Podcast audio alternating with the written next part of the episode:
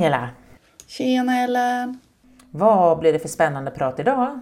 Jo, men idag blir det kidnappade alger. Oh, kidnappade alger. Jag tänker på lavar då. Ja, fast det ska vi inte prata om idag. Ja, alltså du är inne på rätt spår, men vi ska hålla oss i vattnet. Och jag får nog eh, flagga för att det blir två avsnitt om symbios mellan alger och alger och mellan alger och andra organismer. Yay! Det brukar ju ofta bli det när du gräver ner dig i ett ämne. Jag vet. Rulla igång du så, så kör vi. Så först blir det kleptoplasti. Vad tänker du kring det ordet? Ja, mitt favoritord. För det första så tycker jag om ordet kleptoplast, en stulen kloroplast. Och sen tänker jag genast på den gröna sammetssnigeln Elysia viridis. Mhm, Vi kommer in på den. Yay! Men nu kläpptes det grekiska ordet för tjuv och det passar ju väldigt bra här. Och eh, när man tittar på Nationalencyklopedin så säger de att symbios det är varaktig samlevnad mellan olika typer av organismer. Och då är det grekiska igen då, symbiosis som betyder samlevnad. Vanligen så ska då den här samlevnaden vara väsentlig för båda parter, alltså det uttrycks så väsentlig.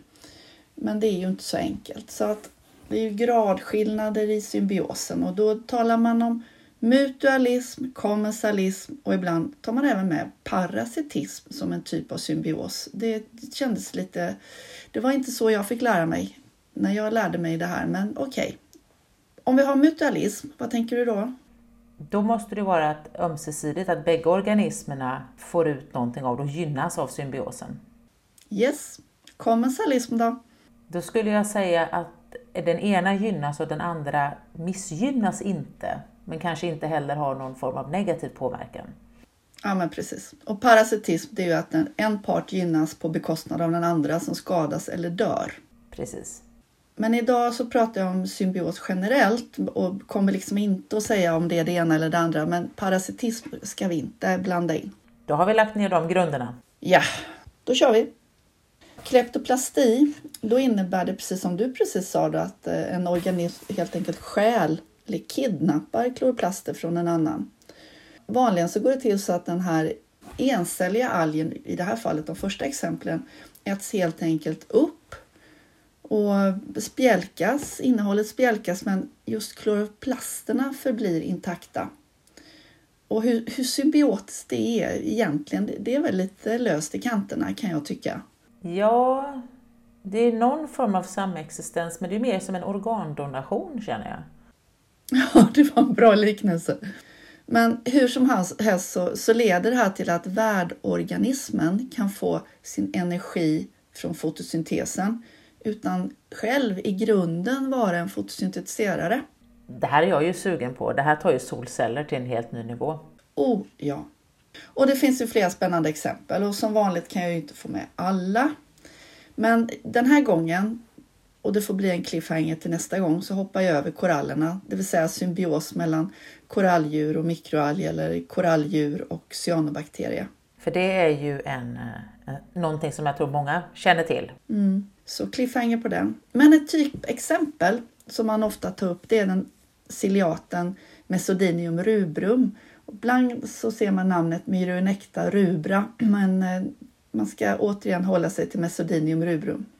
Den orsakar sådana här massiva, nu säger jag algblomningar för att det går fortfarande under den beteckningen, red tides.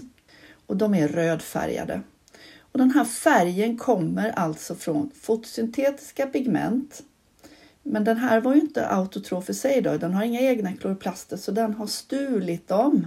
Och då är det en stackare som heter Geminigera cryofila. Kryofila. Gillar den kallt vatten? Ja, eh, det där är lite oklart. Eh, Den finns, den, man har även hittat den på Grönland, eller grönländska vatten, så nog finns den även i lite kallare vatten.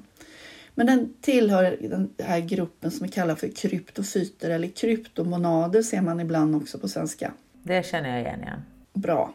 Vad som är spännande är att eh, 30 procent, till och med mer än 30 procent av den här ciliatcellen kan utgöras av kloroplaster från den här kryptofyten. Wow! Det är ju jättemycket. Mm, visst är det. Ska du sedan räkna kloroplaster så talar vi om något antal mellan 6 och 36 stycken. Det har man alltså räknat och mätt upp och analyserat på labb.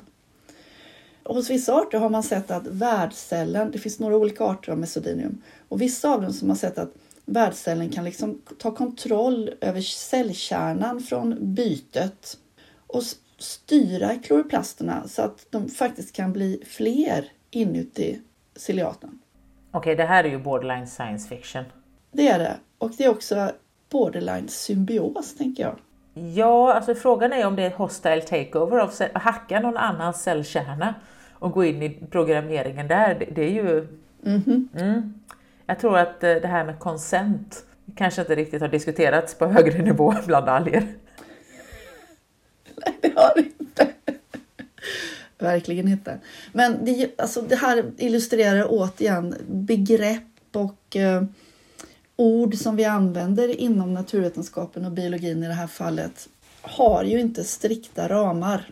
Nej, och sen också tänka att begreppen har ju tagits i bruk när, när man har upptäckt någonting nytt, men inte när, innan man har förstått helheten av det så att säga. Om vi någonsin kommer till en helhet. Nej. Så det blir ju det här att man hela tiden man får börja ha lite lösa begrepp och sen får man börja som sifta i, i gråskalorna i där och sen hitta på nya begrepp allt eftersom man förstår att det, det är mer komplext än vad det först verkade. Det är alltid mer komplext än vad det först verkade. Ja, men precis. Ja, så hade vi ju fiskdödaren, Fisteria piscicida. Den eh, tar också hand om kloroplaster från kryptofyter. Och I det här fallet är det släktet Rhodomonas. Och där kan man se att eh, på labb så kan den liksom ha kvar den här fotosyntesen ungefär en vecka. Sen behöver den väl hitta nya Rhodomonas eller ett nytt byte att ta hand om. Men då blir jag genast nyfiken. Finns det någon benefit, något plus för en organism att bli, få sina kloroplaster stulna? Alltså i det här fallet så går jag bet på det. För jag kan inte se det, att det, för det är ju bara kloroplasten, det är ju inte hela cellen. Så det är inte så att den lever inuti, det är bara en organell som lever kvar inuti och så möjligen då en bit av, av kärnan. Så att det är...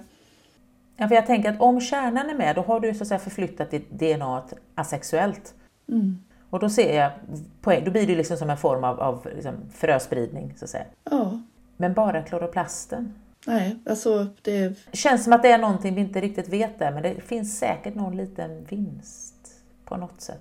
Det, det känns också som att vi just nu är inne på filosofiska rummet snillen spekulerar. Oh ja, oh ja. Vi kliver genast ut och fortsätter med kloroplasterna. Vi gör det. Mareld, minns du? Den minns jag. Noctiluca skintilans, där hade vi en lite mer färglös röd variant och sen så var den här gröna varianten som lever i tropiska vatten och som vi inte har i Sverige. Det är en, eh, också en kyv. Och det här, den här har ju då inkorporerat den gröna Lipedenomonas noctiluke. Bra namn. Mycket bra. Den här noctilukan, just denna då varianten, kan också överleva genom fotosyntes från grönalgen. Men den kan också äta. Det är lite vulgärt uttryckt för den äter ju inte i vanlig mening, men du förstår vad jag menar. Oh ja. Så den gör både och. Och när man tittar på den här symbiosen, så kallade symbiosen med grönalgen, så har man sett att den kan man överleva då två veckor på labb på det som den redan har tagit in. Och sen är det, det här är ju fortfarande inte helt beforskat. Nu öppnar molekylärbiologiska metoder och man tittar på gener och vilka gener som finns. Alltså det öppnar helt nya eh, möjligheter att eh, förstå de här mekanismerna. Så det kommer fler och fler artiklar så att eh, redan till Algpodden säsong 3 får vi säkert gå tillbaka och förklara. Oh, då har vi någonting att se fram emot. Jajamän. Den här eh, Noctilucan vill jag bara poängtera en gång till att den vi har i våra vatten, det är inte den här varianten.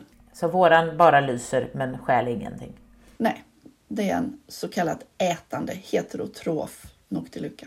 Ja, jag vet ju att du var sugen på nakensnäckorna. Ja, ge mig nakensnäckorna. Det är en favoritorganism hos många och eh, man säger att det är en klad, då en sån här systematisk eller fylogenetisk indelning, Sacoglossa. Och de, på engelska säger man Solar Powered Sea Slugs. Det är ju jättebra namn tycker jag. Mm -hmm. På svenska soldrivna nakensnäckor låter inte riktigt lika sexigt men eh, ja ja. Det målar upp en bild. Ja, tack. Elysia pusilla, det är ju en, en eh, annan art än den som du är inne på. Samma släkte. Den äter makroalgen Halimeda. Har den något svenskt namn? Nej, den har inget svenskt namn för vi har den inte än i svenska vatten. Nej, tack, bra. Och den eh, äter ju alltså verkligen äter den här grönalgen och sen så inkorporerar den kloroplasterna i magcellerna och kan då Alltså den använder fotosyntesprodukterna och kan faktiskt också, som jag har förstått det, för det är lite olika för olika arter i litteraturen, även då låta kloroplasterna fortsätta fotosyntetisera. Så att de behöver ju befinna sig där det är ljus. Ja, för den gröna sammetssnigeln som vi har här då, Elysia viridis, viridis grön, så det är väldigt bra.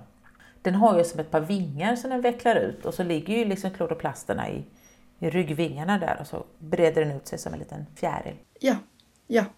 Och jag misstänker att det måste vara samma för alla inom det släktet, Elysia. Ja, det känns ju rimligt. Ja. Vi kan ju fråga vår kompis Klas som är lite av en nakensnäcksnörd. Ja, men du ser. Det kan vi göra. Så kan vi återkomma. Sen har vi den här arten Oxinoe eller Oxine olivase. Hoppsan, olivfärgad. Yes. Den äter den invasiva grönalgen Kaulerpa. Invasiv i Medelhavet om du minns.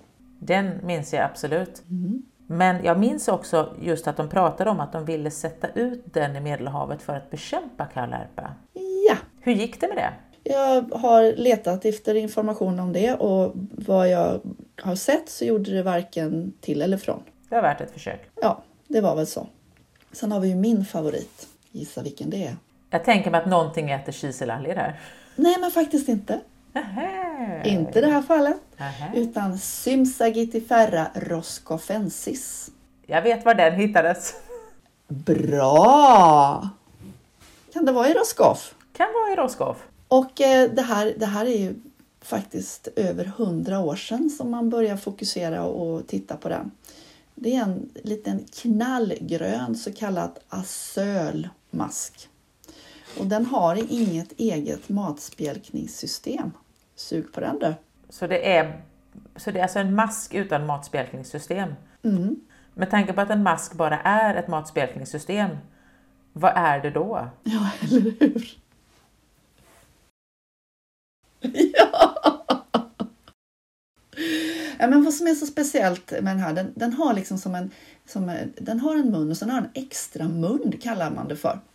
Och där så tar den in en grönalgsart, Tetraselmis convoluta. Och den här encelliga grönalgen den har flageller så den kan röra sig. Men den tar bara in dem genom just den här munnen och sen så, så spjälkar den inte den utan den har hela grönalgen inne i sig. Nu talar vi om en mask som är 3 5 mm lång. Den här är inte stor.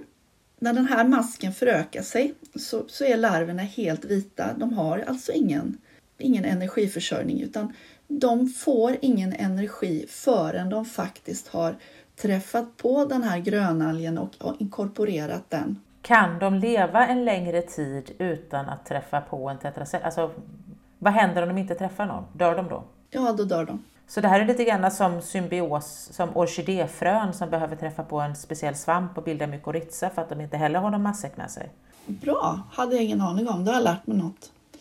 Men det här är också så spännande för att den kan också, nu talar vi om masken igen då, den kan programmera de här grönalgerna så att de släpper sina flageller, för de har ingen nytta av att ha flageller.